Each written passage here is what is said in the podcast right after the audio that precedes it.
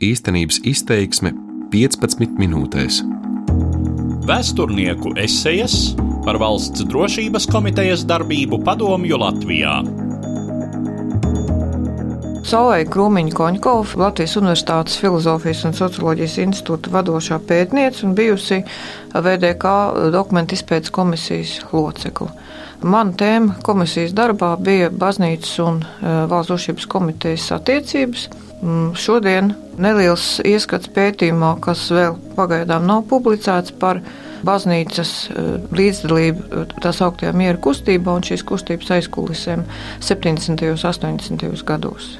Un uh, ir zināms par vairākām tā sauktām piesaigu organizācijām, kuras faktiski veidojās un veica gan valsts drošības komitejas, gan arī citu sociālisko valstu drošības dienestu uzdevumus. Ja mēs pastamies uh, reliģisko lietu pilnvarotu arhīvā 78. gadu dokumentu vidū, mēs varam atrast veselu kopu ar atskaitēm, kuras ir rakstījis uh, Romas katoļu baznīcas uh, priesters Leons Dzenis, Dzeņš par savu līdzdalību tās augtās Eiropas katoļu Berlīnas konferences darbā. Jāsaka tā, ka pirmā skatu punktā liekas, ka šīs atskaites nav ne ar ko nozīmīgas, jo tur ir aprakstītas viens vai otrs konferences darba plāni, runas, kas tur ir runātas, cilvēki, kas ir satikti, faktiski šīs atskaites līdzinās ļoti daudzām citām mācītāju atskaitēm par piedalīšanos ārzemju konferenču darbā bet tuvāk analizējot šo ziņojumus un salīdzinot ar to, kas par šo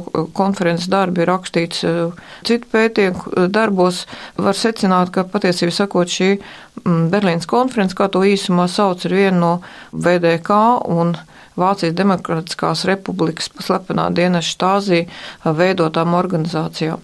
Organizācija veidojās jau 50. gadu beigās, bet formāli tā parādījās 1964. gadā Vācijas Demokrātiskā republikā Berlīnē, un līdz ar to arī faktiski no šejienes šis saīsinātais nosaukums. Šīs eh, organizācijas dibinātājs ir Otto Fuchs, kas bija visai ietekmīgs Vācijas Demokrātiskās republikas politiskās partijas Kristīga Demokrātiskā savienība funkcionārs, kurš kopā ar eh, citām Nacionālās frontes bloka partijām tad arī izveidoja šo Berlīnas konferenci. Zīmīgi ir tas, ka Fuchs ir arī um, bijis aktīvs uh, miera kustības dalībnieks, piedalījies Prāgas vispasaules miera asamblējas organizēšanā 1964. gadā. Uh, viņš ir pasaules miera padomas prezidija loceklis. Tas faktiski neraisa varbūt nekādas aizdomas par šo organizāciju, bet ir viena tāda īsa detaļa, proti viņš arī dzen ir uh, VDR valsts drošības ministrijas štāzī neoficiālais darbinieks Cegvādu Hartmuts. Nu, lūk, un šāds uh, cilvēks, Otto Fuchs, uh, vadīja šo Berlīnas konferenci, un tajā ļoti aktīvi piedalījās arī Latvijas Eh, Romas katoļu baznīcas garīdznieki. Jo pieminētais Leons Zeņš ne tikai brauca uz dažādām Berlīnas konferences pasākumiem, viņš darbojās šīs konferences prezidijā, proti viņš bija viens no tiem, kas organizēja šīs konferences. Jāsaka tā, ja mēs paskatāmies tagad kartotekā, tad mēs atradīsim viņu vārdu arī dzen eh, aģentūras sarakstā. Un um, salīdzinot datumus, var redzēt, ka uh, viņš ir savērvēts uh, īsu brīdi pirms viņš aktīvi sāka piedalīties šīs konferences darbā.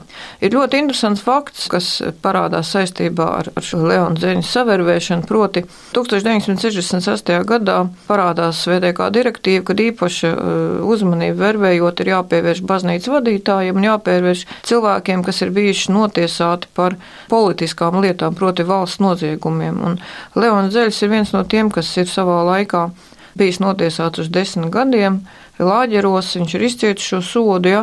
Tādu veidu cilvēks eh, tieši pēc 68. gada šīs instrukcijas ļoti aktīvi sāka vervēt. Ja?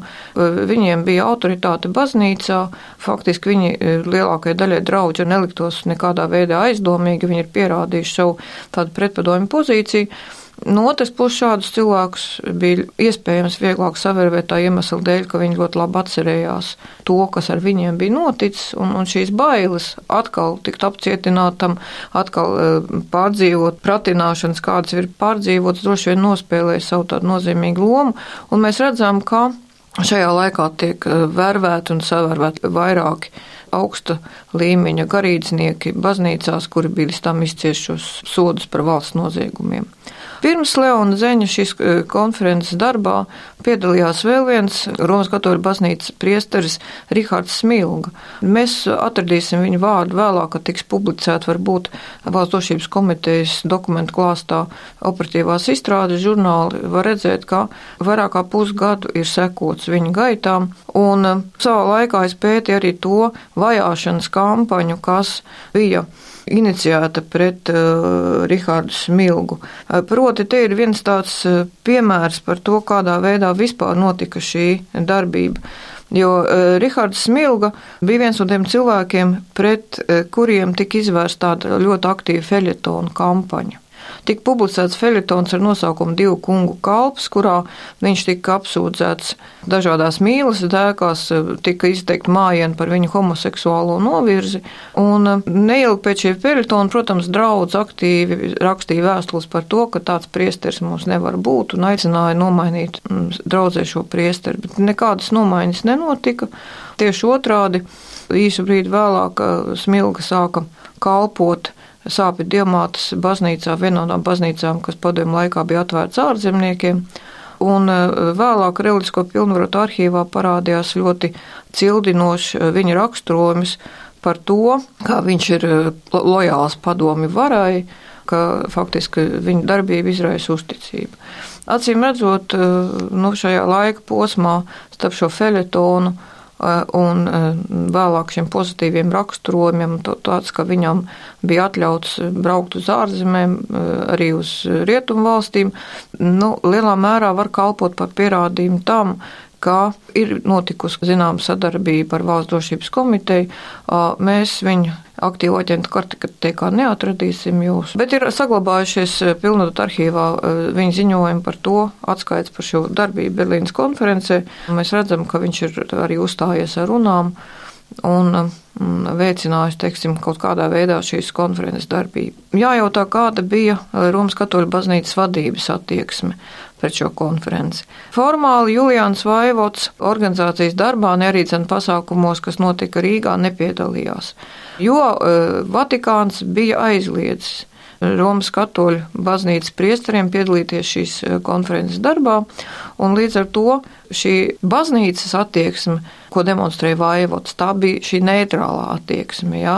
Pats viņš nepiedalījās, te pašā laikā viņš vīzēja visu delegātu sarakstu, viņš apstiprināja šīs konferences darba plānus. Līdz ar to nu, teikt, ka viņš neko nezināja un neatbalstīja šo šīs konferences darbu, nu, tas nav pareizi. Bet uh, reāli ļoti aktīvi šīs konferences organizētajos pasākumos, un arī Rīgā piedalījās bīskaps Valrians Zontaks, priesteris Alberts Buģi, vēl vairāk priesteri.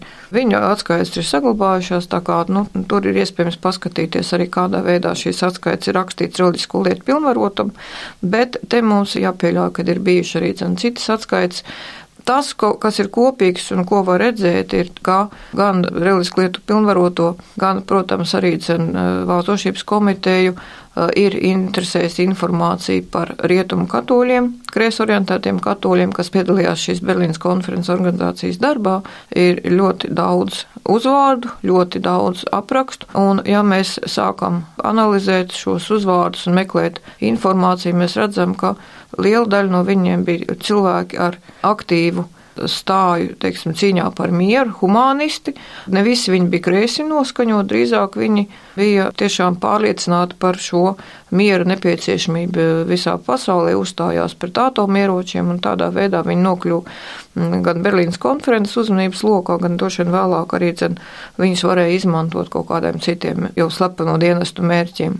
Interesanti, ka lielā mērā šo vēlmi piedalīties šāda e, veida pasākumos, protams, noteica ne jau tikai tas, ka tie garīdznieki, kas piedalījās tā vai citādi saistīti ar valsts drošības komiteju. Šodien ir grūti pateikt, cik lielā mērā un cik patiesa bija šī viņa iesaiste. Vai tā bija formāla, vai tā bija tikai tādu nevainīgu ziņojumu rakstīšana, vai te bija kāda dziļāka saikne, jo šos dokumentus, kas bija visticamāk adresēti valsts drošības komitejai, mēs neatradīsim, vismaz pašlaik.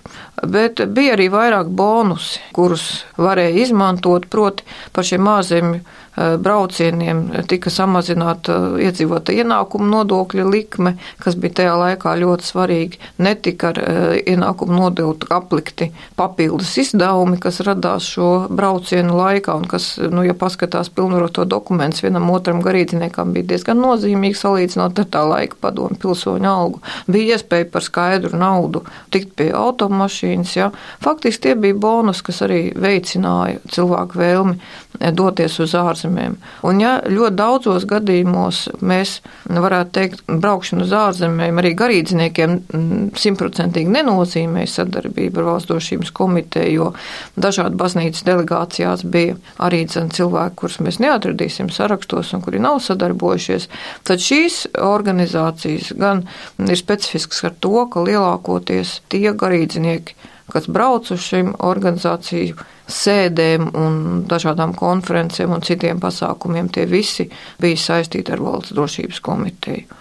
Protams, kā jau es teicu, tad vainas pakāpi. E, nu, to šodien ir noteikti gandrīz neiespējami, ņemot vērā, ka lielākā daļa no konferenču un organizāciju dalībniekiem jau nav mūsu vidū. Kādi tad bija vēl šie uzdevumi bez jau pieminētās informācijas vākšanas? Protams, tā bija līdzdalība padomē ārpolitiskā kursa propagandā, ne tikai propagandā, bet arī dezinformācijā. Viņiem vajadzēja demonstrēt, un to viņi arī, spriežot pēc runām, ir demonstrējuši, ka ar reliģisko brīvību padomu savienībā viss ir kārtībā. Redziet, mēs varam braukt uz rietumiem, mēs varam brīvi tikties ar līdzīgi domājušiem cilvēkiem no rietumu sabiedrības, mēs varam paust savu viedokli, mēs varam sagatavot kopējas deklarācijas un nav nekādu problēmu. Protams, bija arī dezinformācija līdz ar to. Un vēl viens uzdevums, kas parādās jau 60. gadu beigās un 70. gados, bija dažādu kustību ietekmēšana Latvijā.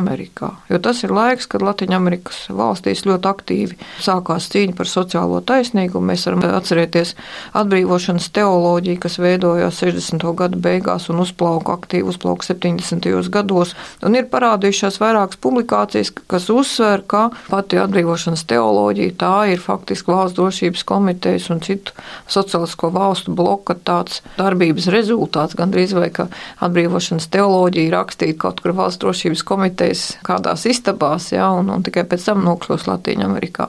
Protams, tā nav taisnība, jo, ja palasu, teiksim, viena no šīs kustības dibinātāja Gustav Gutieresa darbiem atbrīvošanās teoloģija, viņš šo pamatdarbu, tad redzēt, ka faktiski atbrīvošanas teoloģija lielā mērā balstās tikai un vienīgi uz evaņģēlijas skaidrojumu. Ja. Tas ir aicinājums atgriezties pie evaņģēlija, pie tuvāk mīlestības. Bet, protams, šī kustība ar savu tādu ietekmi, savu valstu sabiedrībā nokļuva arī padomju Savienības interešu lokā, un tas, kas tika darīts, tika pirmkārt eh, izplatīt dezinformāciju par to, ka šī kustība ir jau sākotnēji bijis saistīta ar marksistiskām idejām. Protams, vēlāk viena daļa arī no kustības dibinātiem kļuva kreisāk noskaņot un patiešām sāk sadarboties ar komunistiskām dažādām grupām, ja, bet tas nenotika sākotnēji. Un, uh, Otrakārt, faktiski arī Berlīnas konferences darīja visu, un arī citas organizācijas darīja visu, lai patiešām nu, veicinātu šo marksistisko ideju izplatību šajās katoļu kustībās. Ja. Un, ja mēs paskatāmies tos pašus Berlīnas kustības dokumentus, tad mēs varam redzēt, ka tur nepārtraukti tiek pausts atbalsts Latvijai Amerikai, tur tiek pausts atbalsts biskupam Romero un citiem aktīviem katoļu baznīcas garīdziniekiem, jā, kas atbalstīja šo kustību, kas cīnījās par sociālo taisnīgumu. Tā kā faktiski mēs redzam, ka arī šī sociālā taisnīguma ideja tā ieguva noteiktus uh, uzsvarus un noteiktu tendenci, jā, tieši pateicoties šādu piesags zinām organizāciju darbībai, kāda bija Berlīna Berlīnas konferenci. Tas iespējas ir saglabājies līdz pat šodienai, jo, ja kādam prasa, ja, kas ir atbrīvošanas teoloģija, tad droši vien pirmā atbilde būs tā tāda marksistiska kustība, ja, un, protams, atcerēsies, ja, kad varbūt arī, kad pāvests Francisks ir bijis saistīts ar šo kustību, un līdz ar to, nu jā, redziet, viņiem ir šie kreisie uzskati, viņš patiesībā ar savu attieksmi pret sociālo taisnīgumu ir tāds gan izvai komunists, ja, aizmirstot to, ka patiesībā gan šīs kustības sākums, ja, gan arī Pāvils Francisks uzskatīja, tie ir balstīti evaņģēlijā, nevis marksistiskās idejās. Bet var redzēt to, kādā veidā veikli šīs idejas var sapīt un izmantot citiem absolūti mērķiem, par kuriem iespējams pat arī tie garīdznieki, kas piedalījās eh, Berlīnas konferences darbā, un citu organizāciju darbā līdz galam pat nezināja, jā, jo viņi faktiski bija tāda mazā skrūvīta lielajā mehānismā, kuriem bija jāpild noteikti uzdevumi pārdomās par Berlīnas konferenci un aicinot dziļāk pētīt arī tās tēmas, kas ir saistītas ar baznīcas darbību 70. un 80. gados līdz pat Latvijas Republikas neatkarības atjaunošanai dalījās Solveig Krūmiņa Koņkuma.